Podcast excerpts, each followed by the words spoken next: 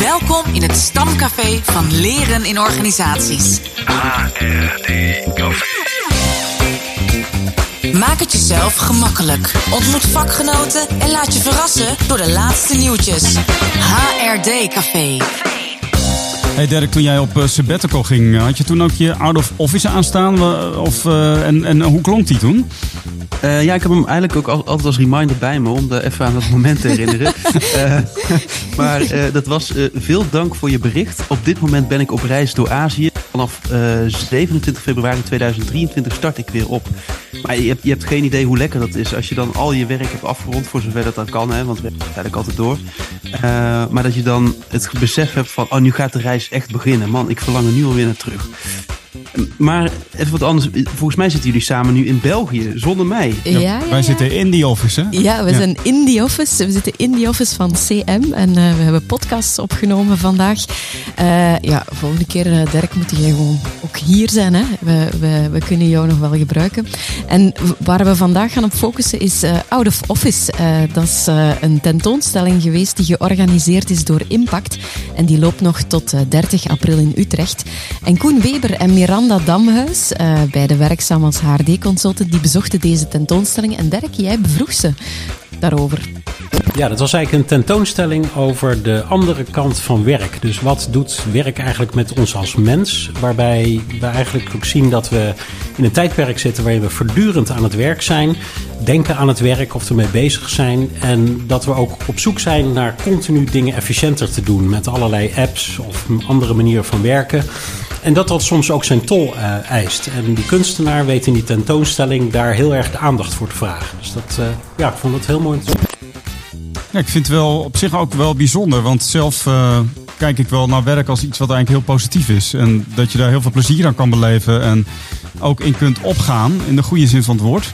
Maar er zitten dus ook negatieve kanten aan werk. En misschien heeft de coronatijd er ook al aan bijgedragen dat we alles zo efficiënt aan het plannen zijn. Dat het eigenlijk gewoon, eh, ja, dat, dat de grenzen ook echt vervagen tussen privé en werk. Alhoewel ik daar niet zo persoonlijk niet zoveel moeite bij heb. Maar deze tentoonstelling staat er echt wel bij stil, hè Dirk?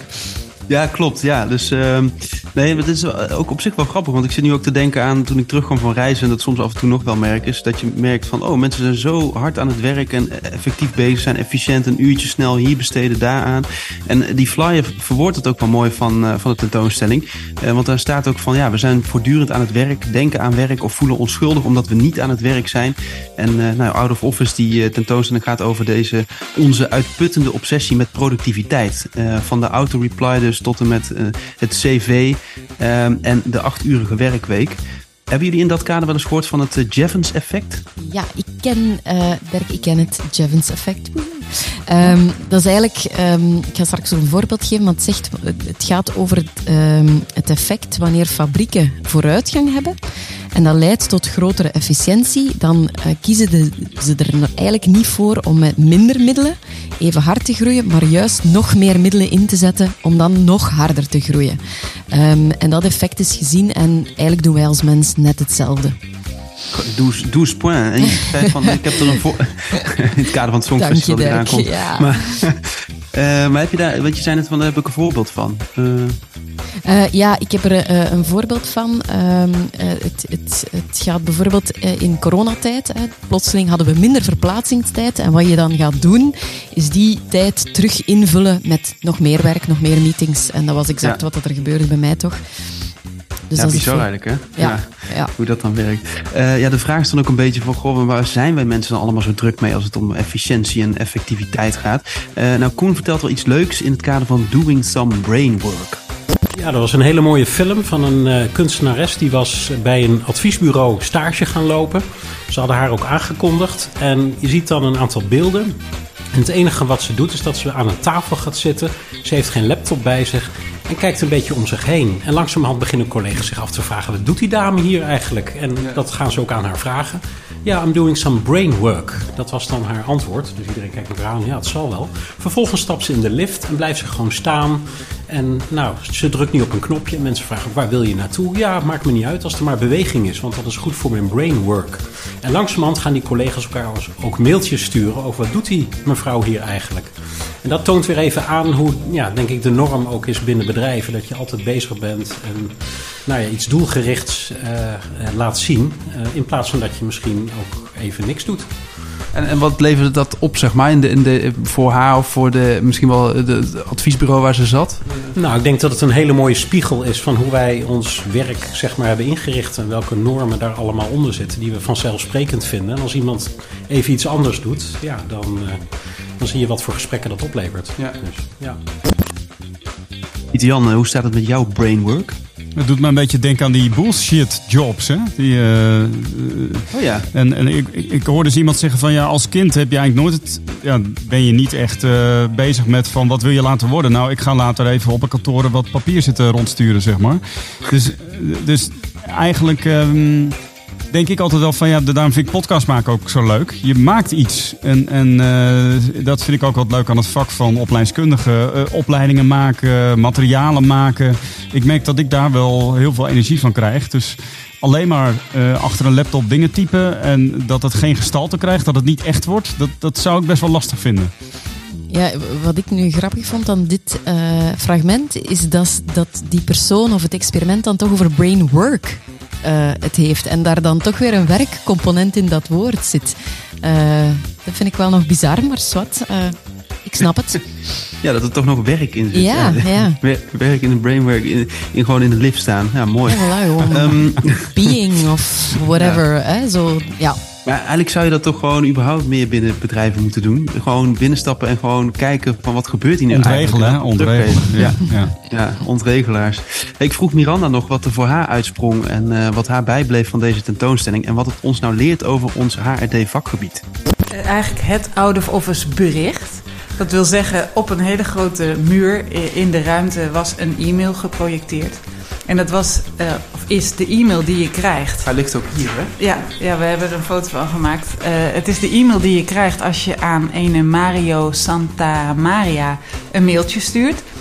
Uh, die beste man is een kunstenaar. maar in ieder geval, als je hem een mailtje stuurt, dan krijg je het automatische antwoord: Bedankt voor je bericht, ik slaap.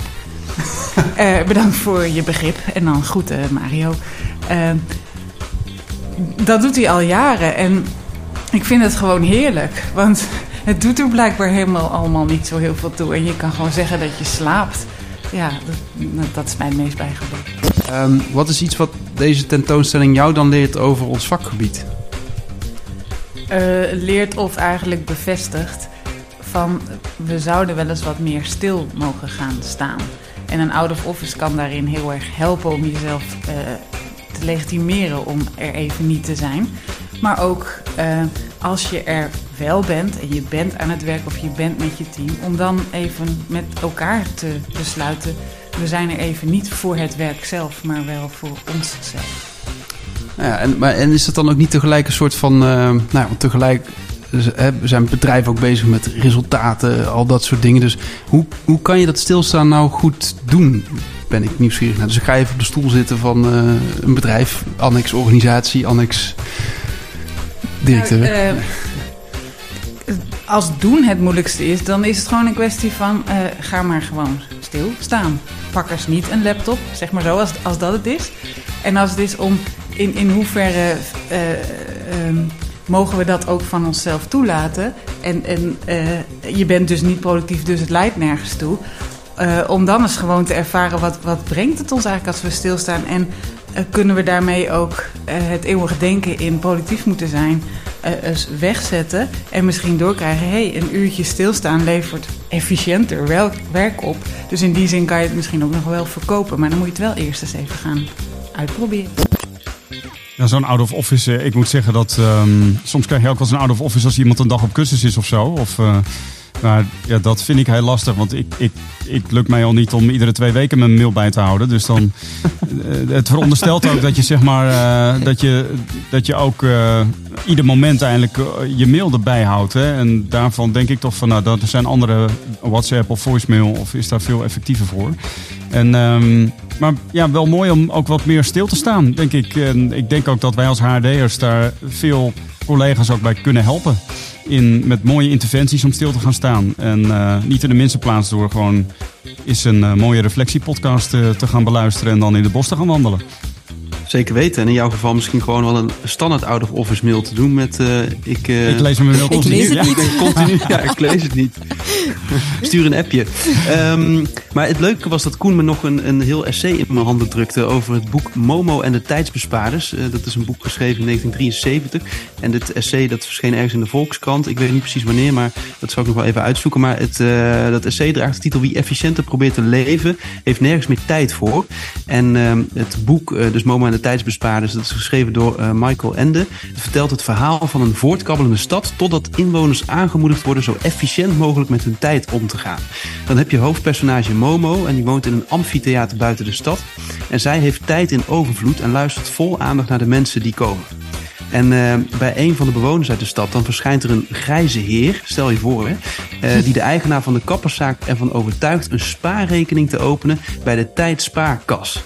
En hij maakt dan inzichtelijk hoeveel tijd eh, fusie, zo heet dan eh, die kapper, verspild heeft. Dus in plaats van een half uur met klanten knippen en praten en zo, na een kwartier het bezoeken van je moeder veel meer inkorten, minder vrienden zien. Eh, nou, en de grijze heer zegt dan van ja, het zijn allemaal verliesposten. Ehm, bekijk de dingen toch eens zakelijk en reëel. Ja, oh, het, het doet mij een beetje denken. Ik had onlangs een gesprek met een ondernemer en die zei van ik, ik eh, doe werk en familie, maar geen vrienden meer. En ik, dat is mij dagen bijgebleven, omdat dat voor mij zo'n essentieel stuk is. En ja, ja dat is echt zo'n soort efficiëntiekeuze die persoonlijk kan werken hoor, maar uh, ja, wat, wat, voor mij het absoluut niet zou doen. Dus ik snap het helemaal. Uh, efficiënter proberen te leven, dan uh, verlies je ook wel dingen. Hm. Nou, ik ben eigenlijk wel heel goed in tijd morsen, dus het idee van tijd sparen, dus dat spreekt me wel aan. Echt tijd verspillen, dat kan ik als geen ander. ja, um, hou, het, hou, het, vast, zou ik zeggen. Um, wil je naar de tentoonstelling Out of Office? Het is in Utrecht aan de Lange Nieuwstraat nummer 4. En het is nog uh, te bewonderen tot en met 30 april. Dus als je nog een leuk uitje zoekt in de meivakantie, wanneer je toch out of office bent, dan is dit het moment. Uh, ga naar impact.nl. Impact schrijf je dan met een K. Um, of klink even op de link in de show notes. HRD Café. Met Dirk van der Pol, Pieter Jan van Meijgaarden en Annelies Wiebo. Trending. Trending topics. Trending topics. Wat zijn de laatste nieuwtjes? Op 19 juni is er in Deventer het Teaming Festival. Het is een eendaagse ontdekkingsreis door de nieuwe realiteit van samenwerken. Het is een seminar waar je Hans van der Loop, Patrick Davidson, Rini van Solingen, Annette de Lange, Carolien Koetsenruiter, eh, Patrick van der Pijl en nog vele anderen eh, kan horen en eh, kan mee samenwerken. En het is op zich geen HRD-feestje, eh, maar het is de bedoeling dat je als team instapt op het festival en zo je samenwerking van je team kan boosten. Je vindt alle info op teamingfestival.nl. In het uh, parool las ik deze week dat schoolleiders in Nederland afhaken vanwege de hoge werkdruk en het uh, continu blussen van brandjes. Uh, Amsterdam heeft bijvoorbeeld een tekort van 17,9% aan schoolleiders en dat staat dan gelijk aan 51 FTE. En um, in het artikel wordt een van de vertrekkende directeuren geïnterviewd. En die geeft aan dat eigenlijk het zwalkende beleid rondom subsidies uh, debet is aan, aan dienstvertrek. Het stoort deze schoolleider bijvoorbeeld dat de NPO-gelden in Nederland dit jaar worden gestopt. En dat er nog geen zekerheid is over nieuwe subsidie. Terwijl die schoolleider met het NPO-geld toch leerkrachten heeft moeten aannemen. En hij weet dus eigenlijk niet of hij die, die leerkrachten kan behouden in de toekomst. En dat maakt het vak van schoolleider gewoon heel ja, vervelend en onzeker. Uh, Barbara van der Steen en Martijn van Ooyen starten binnenkort weer een masterclass Imperfect Adviseren. Gedurende drie maanden ben je, als je meedoet, onderdeel van een leergroep van collega-professionals en leer je te reflecteren op onaffe situaties. De bijeenkomsten zijn een mix van live en online bijeenkomsten. En ben je nou nieuwsgierig, klik dan zeker even op de link in de show notes en dan ontdek je meer. Kennis in ontwikkeling. HRD Café. Ja, Annelies, jij bent uh, deze keer de beheerder ja, van de Grabbelton uh, de, in, in Antwerpen. De ton is in Antwerpen-Berchem. Spannend, spannend.